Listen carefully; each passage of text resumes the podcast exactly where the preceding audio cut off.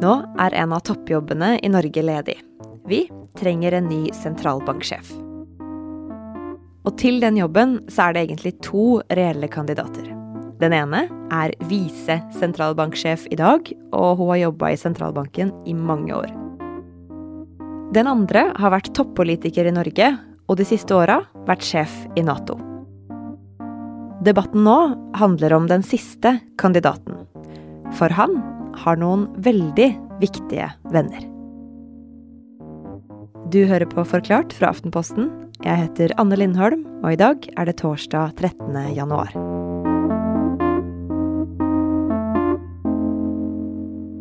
Denne saken handler om at Norge skal ha en ny sentralbanksjef, en ny sjef i Norges Bank. Og så har eh, Jens Stoltenberg søkt den jobben, og så er det en stor diskusjon om er han den rette til å ta den. Og den diskusjonen som Aftenpostens politiske redaktør Kjetil Bragli Alstaheim snakker om, den handler særlig om fire menn. Den første er Jens Stoltenberg sjøl, som nå er sjef i Nato. We are ready to engage uh, in arms control with Russia, uh, conventional nuclear. But that has to be reciprocal and it has to.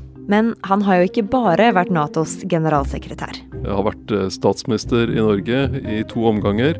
Var partileder i eh, Arbeiderpartiet i mange år. Har hatt ulike statsrådsposter. Den andre mannen er Jonas Gahr Støre. Vi skal gjennom en vinter som vil kreve at vi lykkes med å holde kontrollen, for smitten vil være blant oss. Jonas Gahr Støre, som eh, er Stoltenbergs eh, etterfølger som eh, partileder i Arbeiderpartiet. Nær venn av Stoltenberg, og som nå er statsminister. De er to nøkkelpersoner. Og så har det dukket opp andre i det som er kommet frem på ulikt vis her. En av de andre er Nicolai Tangen. Den 24. mars i år fikk jeg tilbud fra hovedstyret i Norges Bank om stillingen som leder for oljefondet. Nicolai Tangen er eh, en person som dukker opp her. Han er eh, sjefen for eh, oljefondet. Og så er det et annet navn som har dukket opp, som mange ikke har så nært forhold til. Knut Brundtland. Han er viktig i norsk finansliv som styreleder i et stort uh, norsk uh, meglerhus, et av de største. Han er altså sønn av uh, Gro Harlem Brundtland, tidligere leder i Arbeiderpartiet, tidligere statsminister, og nær venn av både Støre og Stoltenberg, og har gjort vennetjeneste tidligere. Han hjalp Støre med å komme seg ut av en kinkig eiendomsinvestering. Han hjalp Stoltenberg med å få en ekstra gunstig kontrakt da Stoltenberg skulle skrive selvbiografi. Og han har vært et sånn kobler, eller vert, for eh, et par middager som nå er blitt omtalt. Ja, og, og, en av de middagene var for ganske nøyaktig ett år sia, i januar i fjor. Hva skjedde der? Det var en middag som Knut Brundtland hadde invitert til hjemme hos eh, seg selv. og Blant gjestene så var Nicolai Tangen og Jens Stoltenberg. Og et tema som dukket opp i løpet av samtalen under den middagen, var ny sentralbanksjef. Og dette var flere måneder før nåværende sentralbanksjef Øystein Olsen hadde varslet at han ville gå av. Og hvorfor er det interessant at de snakka om det på den middagen? Det, blir, eh, det er interessant med disse møtene mellom Jens Stoltenberg, som er eh, Natos generalsekretær, tidligere sentral i norsk politikk, Knut Brundtland, som er hans venn og sentral i norsk finansliv, og Nicolai Tangen, som har den viktige posten i oljefondet. Og det at de eh, møtes på den måten, og at dette blir et tema, det, det er jo interessant fordi det gir et innblikk i ulike former for nettverk og hvordan de fungerer. Det vi skal være forsiktige med, er å, å konkludere med at dette har veldig stor betydning for den ansettelsesprosessen som nå pågår. Men grunnen til at det nå likevel har blitt en debatt, er rollefordelinga mellom nettopp sjefen for sentralbanken, sjefen for oljefondet og sjefen for regjeringa.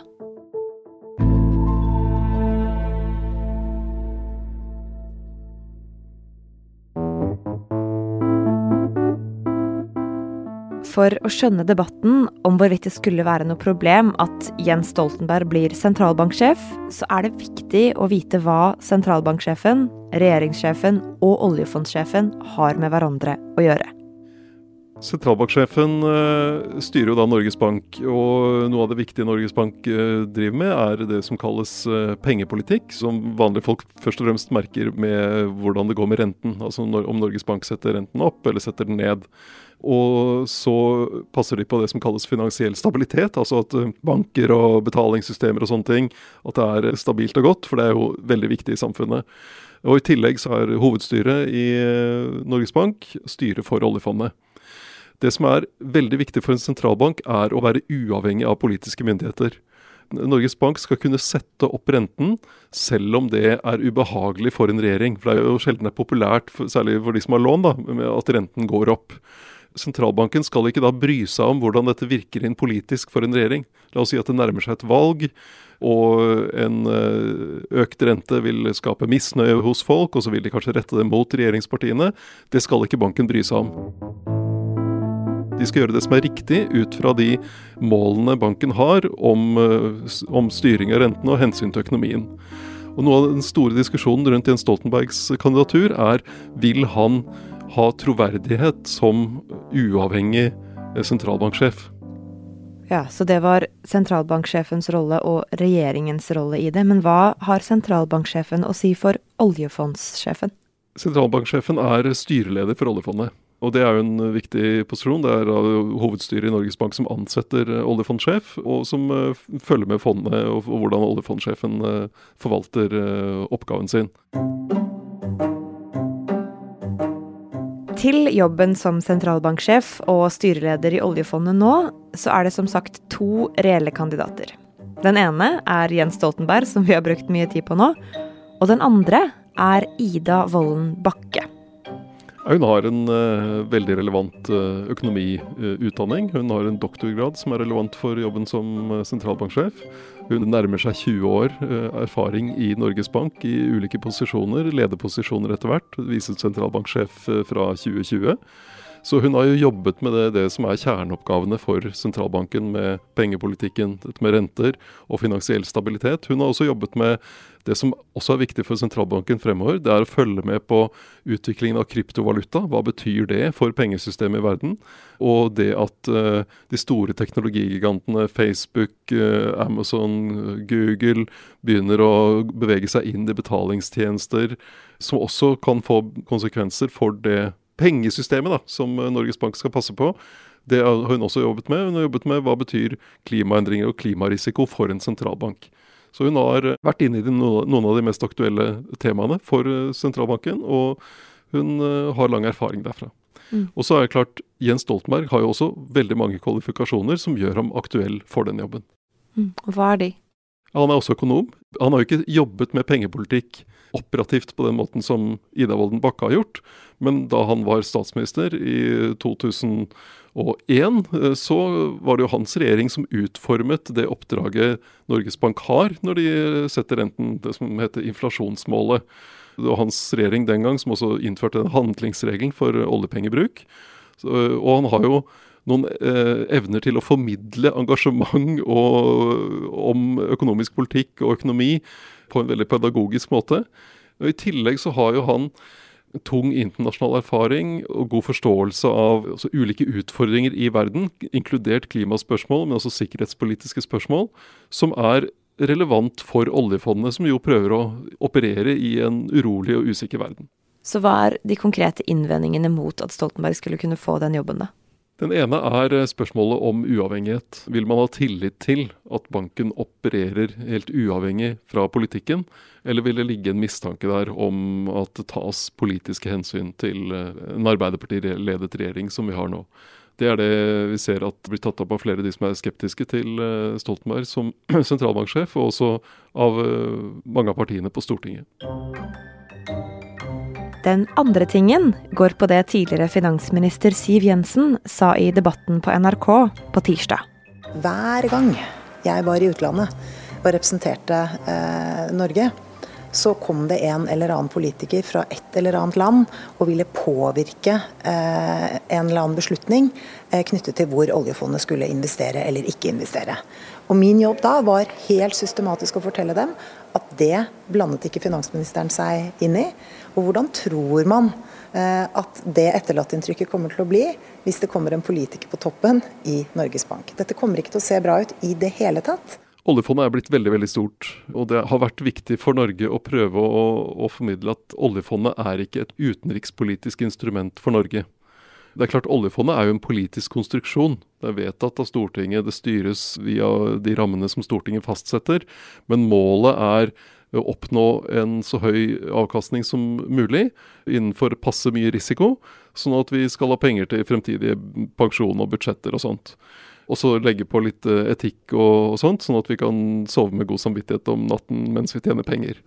Sånn at de ikke investerer i atomvåpen og Ja, sånne ting. Ja. Og så Et viktig tema nå er hvordan håndtere klimarisiko uh, for fondet, som er, kommer til å bli en diskusjon utover, uh, utover, våren.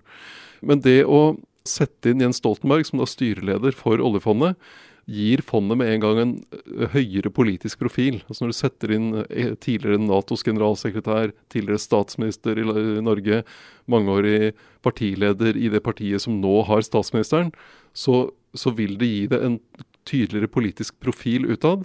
Og spørsmålet er ønsker vi det? Altså, Er det bra for fondet, er det bra for Norge at, det, at fondet fremstår mer politisk enn det har gjort det nå?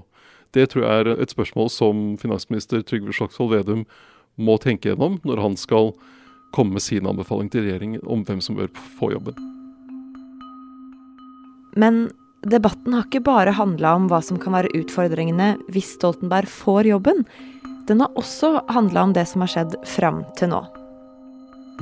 For det var middagen for et år siden hos Knut Brundtland, men også en middag i mai i fjor, der Støre møtte Nicolai Tangen for første og eneste gang. Der skal de ha nevnt Stoltenberg og sentralbankjobben, men Støre skal ha sagt at han kunne bli statsminister og derfor inhabil, så det kunne de ikke snakke om. Og så spoler vi fram til i høst. For da var Støre statsminister og gikk en tur i skogen med vennen Jens Stoltenberg. Stoltenberg skal ha sagt at han ville søke jobben som sentralbanksjef, men Støre sier at han svarte da at nei, du, det kan vi ikke snakke om, for jeg er inhabil. Men i desember så sa han noe som har blitt tolka litt annerledes. Før jul sa Støre at det hadde ikke vært noe kontakt med Stoltenberg om denne saka. Nå sier han det motsatte, at det har vært kontakt, at Stoltenberg har ringt han.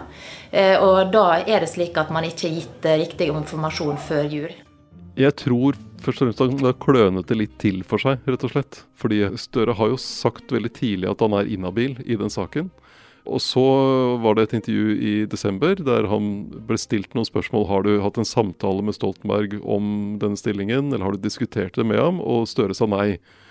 Så han har havnet inn i en sånn diskusjon om hva, hva er en samtale?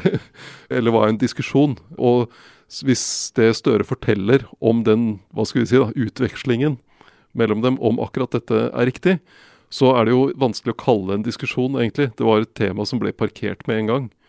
Så hvis, hvis, det er en sannferdig beskrivelse fra Støres side, så tror jeg mest av alt at han har rotet det litt til for seg ved å ikke bare fortelle det med en gang. Hvorfor han gjorde det i desember, det vet ikke jeg nå, men jeg, jeg, mener at det flytter ikke saken så veldig.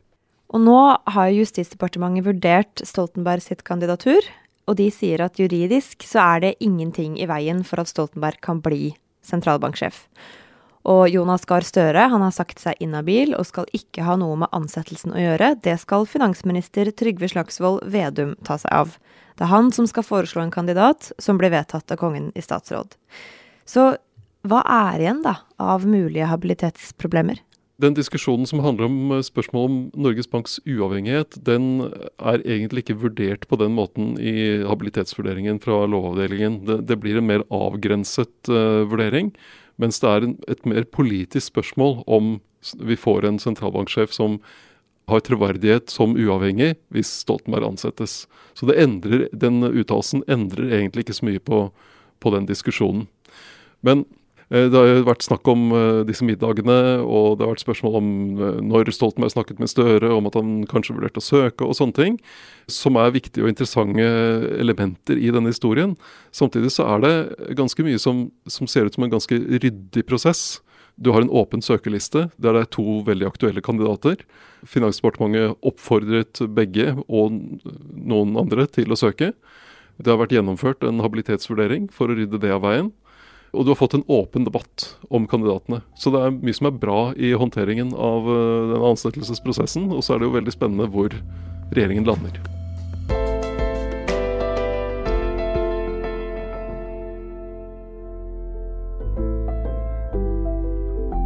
Du har hørt politisk redaktør i Aftenposten Kjetil Bragli Alstaheim snakke om sentralbanksjefjobben.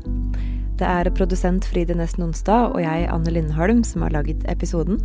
Resten av Forklart er Anders Sveberg, Marte Spurkland, David Vekoni og Synne Søhol.